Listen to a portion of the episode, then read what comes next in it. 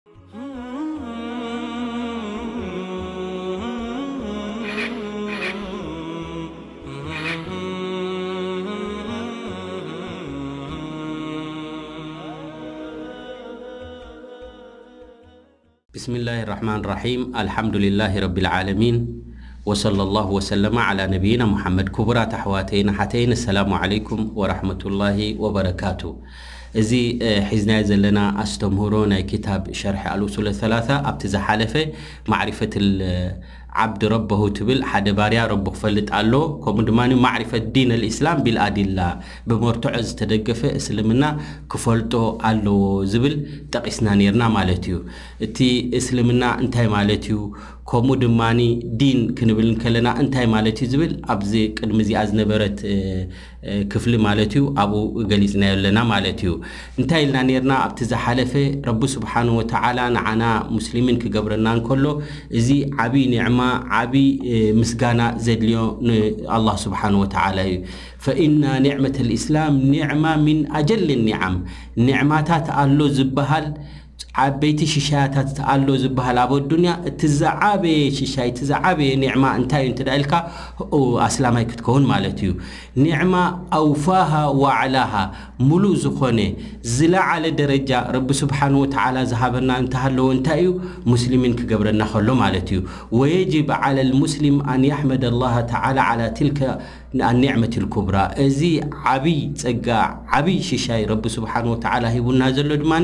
ንዕኡ ከነመስግኖን ረጉእ ጎይታና ይግበኣና ማለት እዩ ምኽንያቱ ኣላህ ስብሓን ወተዓላ ምን ኣህል ተውሒድ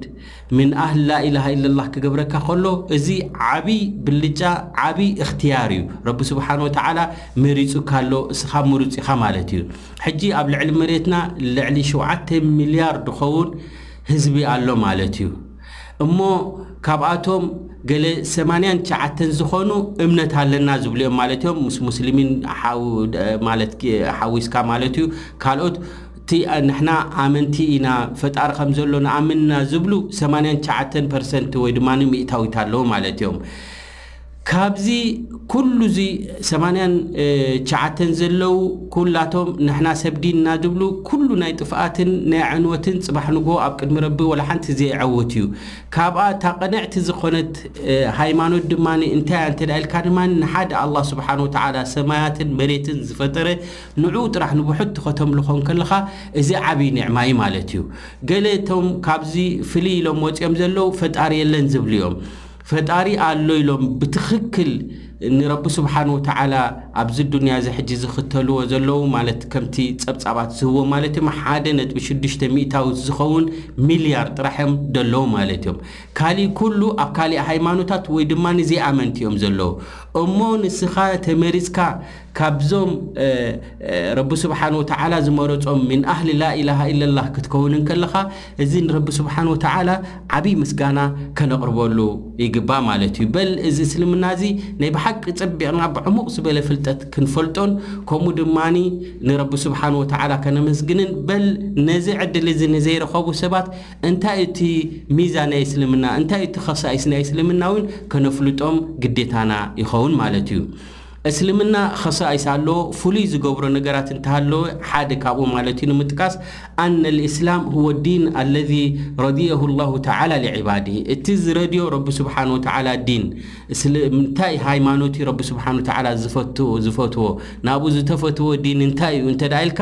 ሁወ ልእስላም፣ ዲን ኣልእስላም ማለት'ዩ። ወሊዛሊክ ረቡና ዐዘ ወጀል ኣብ ሱረት ኣልዕምራን መበል ዓሰርተ ትሽዓተ ኣያ እንታይ ኢሉ፣ ኢነ ኣዲነ ዒንደ ኣላሂ ልእስላም። ያዕኒ ኣብ ቅድሚ ረቢ ተቀባልነት ዘለዎ ሃየ ዲን እንታይ እዩ እንተ ኢልካ ናብ ረቢ ስብሓን ወተዓላ ፍትው ዝኾነ ሁወል ኢስላም እስልምና ክንብል ከለና ድማ ሁወል ኢስቲስላም ልላሂ ብተውሒድ ንረቢ ስብሓን ወተዓላ ምስትስላም ማለት እዩ ብጀካኻ ካሊእ ፈጣሪ የለን ብጀካኻ ድማ ብሓቂ ክምለኽ ዝግብኦ የለን ኢልካ ከተስተስልም ከለኻ እዚ እቲ ዝዓበየ ኒዕማ ወይ ድማ ረቢ ስብሓን ወተዓላ ዝፈትዎ ምዃኑ በዚ ይበርሃልና ማለት እዩ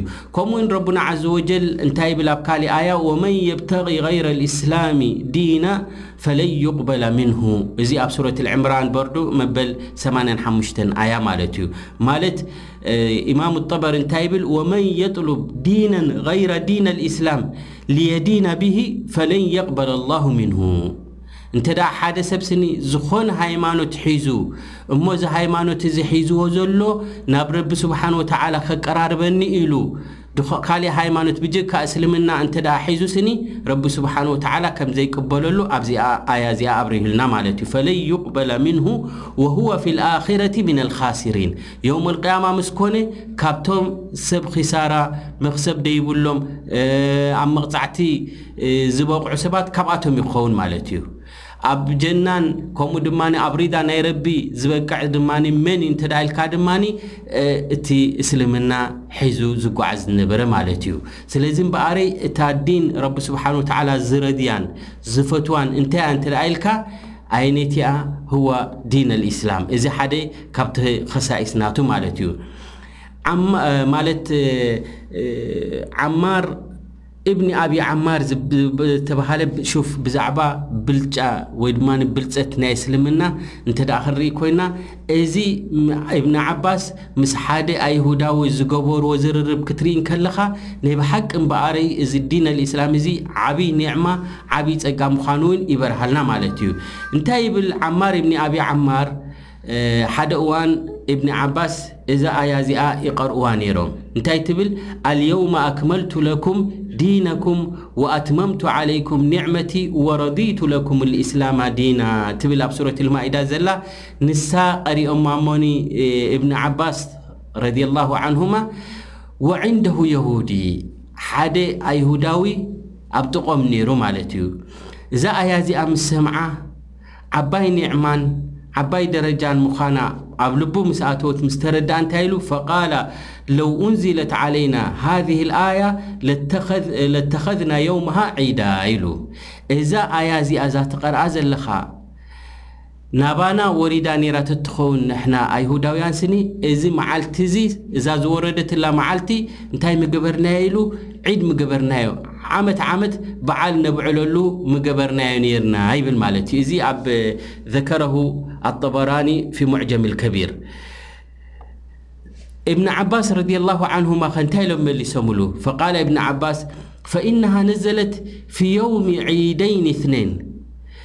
በል ኣብ ሓንቲ ዒድ ኣብ ሓንቲ በዓል ዘይኮነስኒ ኣብ ክልተ በዓል ዝኾነት መዓልቲ ኣወሪዳ ኢሎም ድማ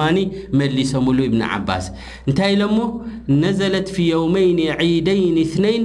ጁምዓ ወየውም ዓርፋ ኣብ መዓልቲ ጅምዓት እሞ ድማ ኣብ መዓልቲ ዮም ዓረፋ ሽዑ እያ ወሪዳ እዛ ኣያ እዚኣ ኢሎሞ ፈላሁ ተዓላ ቀድ ረድያ ሊዕባድህ ሃዘ ዲን እዚ ዲን እዚ እንታይ እዩ ዝብለና ዘሎ ማለት እዩ ረቢ ስብሓን ወተዓላ ዝረደዮ ዲን ረቢ ስብሓን ወተዓላ ምሉእ ዝገበረሉ ዘትመመሉ ዲን ኣየናይ እንተ ኢልካ ህወ ዲን ኣልእስላም ማለት እዩ እዘን እዚ እንታይ የረዳእና ማለት እዩ ክቡራት ኣሕዋተይ እዚ ንሕና ንምተዓሉ ዘለና እዚ ጠማእኒናን ቅሳነትን ረኽበሉ ኣብ ኣዱንያ ከምኡ ድማ ኣብ ኣኼራ ትዕወተሉ ዲን ሁዋ ዲን ልእስላም ኣለዚ ረድዮሁ ላሁ ተዓላ ረቢ ስብሓን ወተዓላ ዝረድዮ ዝኾነ ዝፈትዎ ዝኾነ ሁዋ ዲን ልእስላም ዳሕራይ ዲን ልእስላም ሁዋ ዲኑ ልፍጥራ ማለት ረቢ ስብሓን ወተዓላ እታ ዝፈጠረና ንደቂ ሰባት ዝፈጠሮም ዲን ኣየነይቲ ኣንትላኢልካ ሁዋ ዲን ልእስላም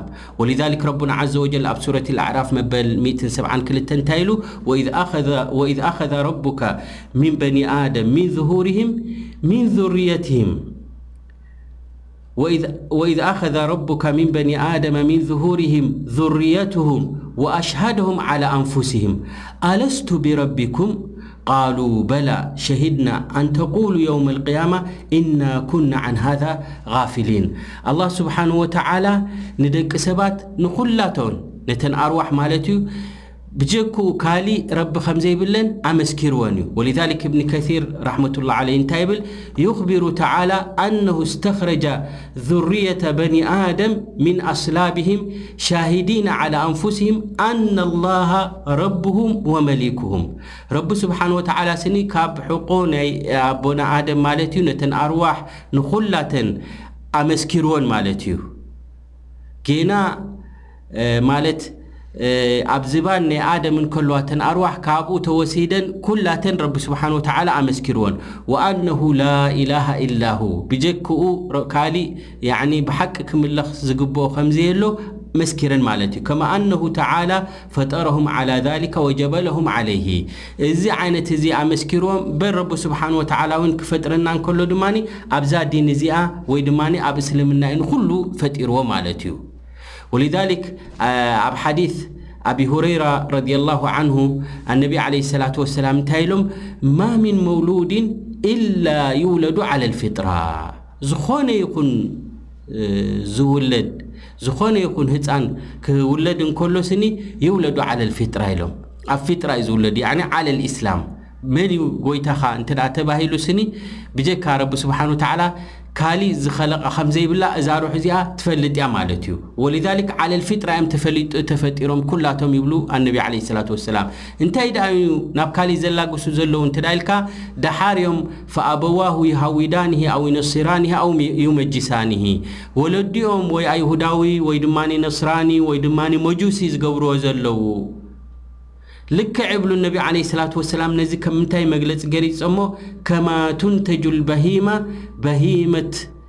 ጀምዓ ሓንቲ እንስሳ ክትውለድ እንከላ ምልእቲ እያ ትውለድ ላኪን እቶም ናታ ዋናታታ ዘለው እንታይ ይገብርዋ ማለት እዮም መፍለጢ ኢሎም ወይ እዝና ይቆርጹላ ማለት እዩ ወይ ካብ ቀርና ይሰብሩላ ወይ ድማ ካብ ጭራ ይቆርጽላ እሞኒ ሃል ትሕሱነ ፊሃ ሚን ጀድዓ ማለት እንታይ ኮይኑ ይስምዓካ ከምኡ ኢላ ዝተፈጠረት ኮይኑ ይስምዓካ ላእ ዳሕራ እያ ተቀይራቶ ዘላ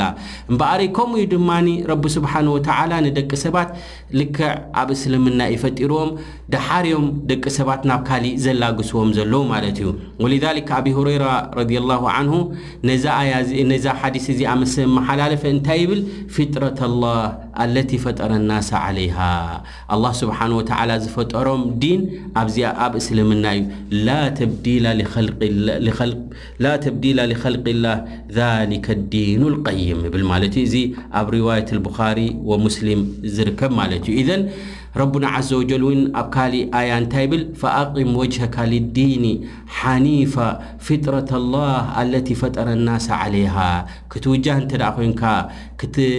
ክትግዛእ እንተ ኮይንካ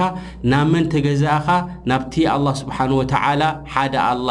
ረቢ ስብሓን ወተዓላ ንደቂ ሰባት ኣብኣ ዝፈጠሮም ዝኾነ ናብኡ ተወጃህ ኢኻ ይብል እዚ ኣብ ሱረት ሩም ዘሎ ማለት እዩ ወሊዛሊክ ደቂ ሰባት እንተ ኣብዛ ዝተፈጠርዋ ቀፂሎም ማለት እዮም ከምኡ ኢሎም ድማ ምስ ረቢ ስብሓን ወተዓላ ድማ እንተ ተረኺቦም ኣብ እስልምና ማለት እዩ ኣብታ ረቢ ስብሓን ወተዓላ ዝፈጠሮም ኣብኣዮም ዝጓዓዝ ዘለዉ ማለት እዮም ካብኡ እንተ ኣላጊሶም ናብ ካሊእ ኣድያን ናብ ካሊእ ሃይማኖታት ግን ካብቲ ረቢ ስብሓን ወተዓላ ዝፈጠሮም ካብኡ ወፅኦም ኣለዉ ማለት እዮም ስለዚ ንስኻ ኣነ ኣስላማ እየ ክትብል እንከለኻ ኣነ ኣብታ ረቢ ስብሓን ወተዓላ ዝፈጠረኒ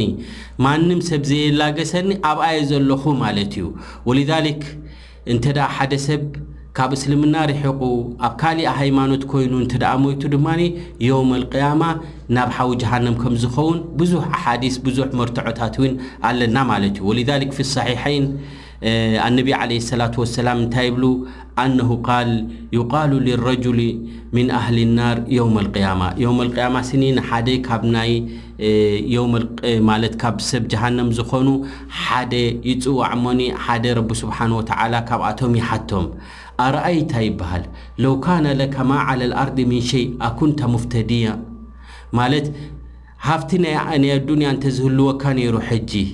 እዚ ሃፍቲ እዚ ንዕኡ ከፊልካ ካብዚ ሓዊ ጀሃነም ክትወጽእ ትደሊ ዶ እንተትበሃል ስኒ ምኸፈልካ ዶ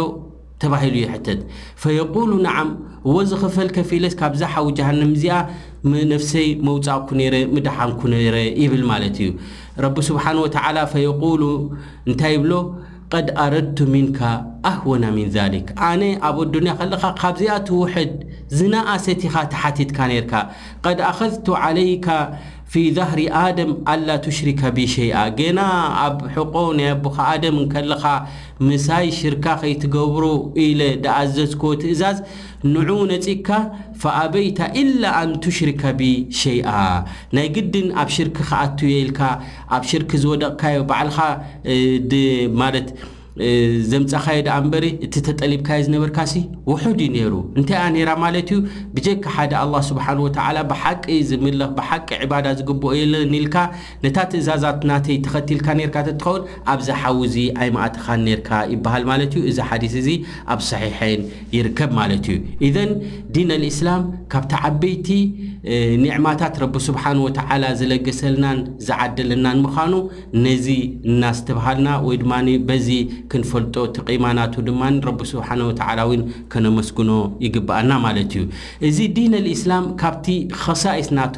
ካብቲ ፍሉይ ዝገብሮ ሓደ እንተሃለወ እንታይ እዩ? ኣነሁ ዲን ልዓድል ወልሙሳዋት በይነል በሸር ኣብ መንጎ ደቂ ሰባት ኣብዚ ዲን ልእስላም እዚ ማለት እዩ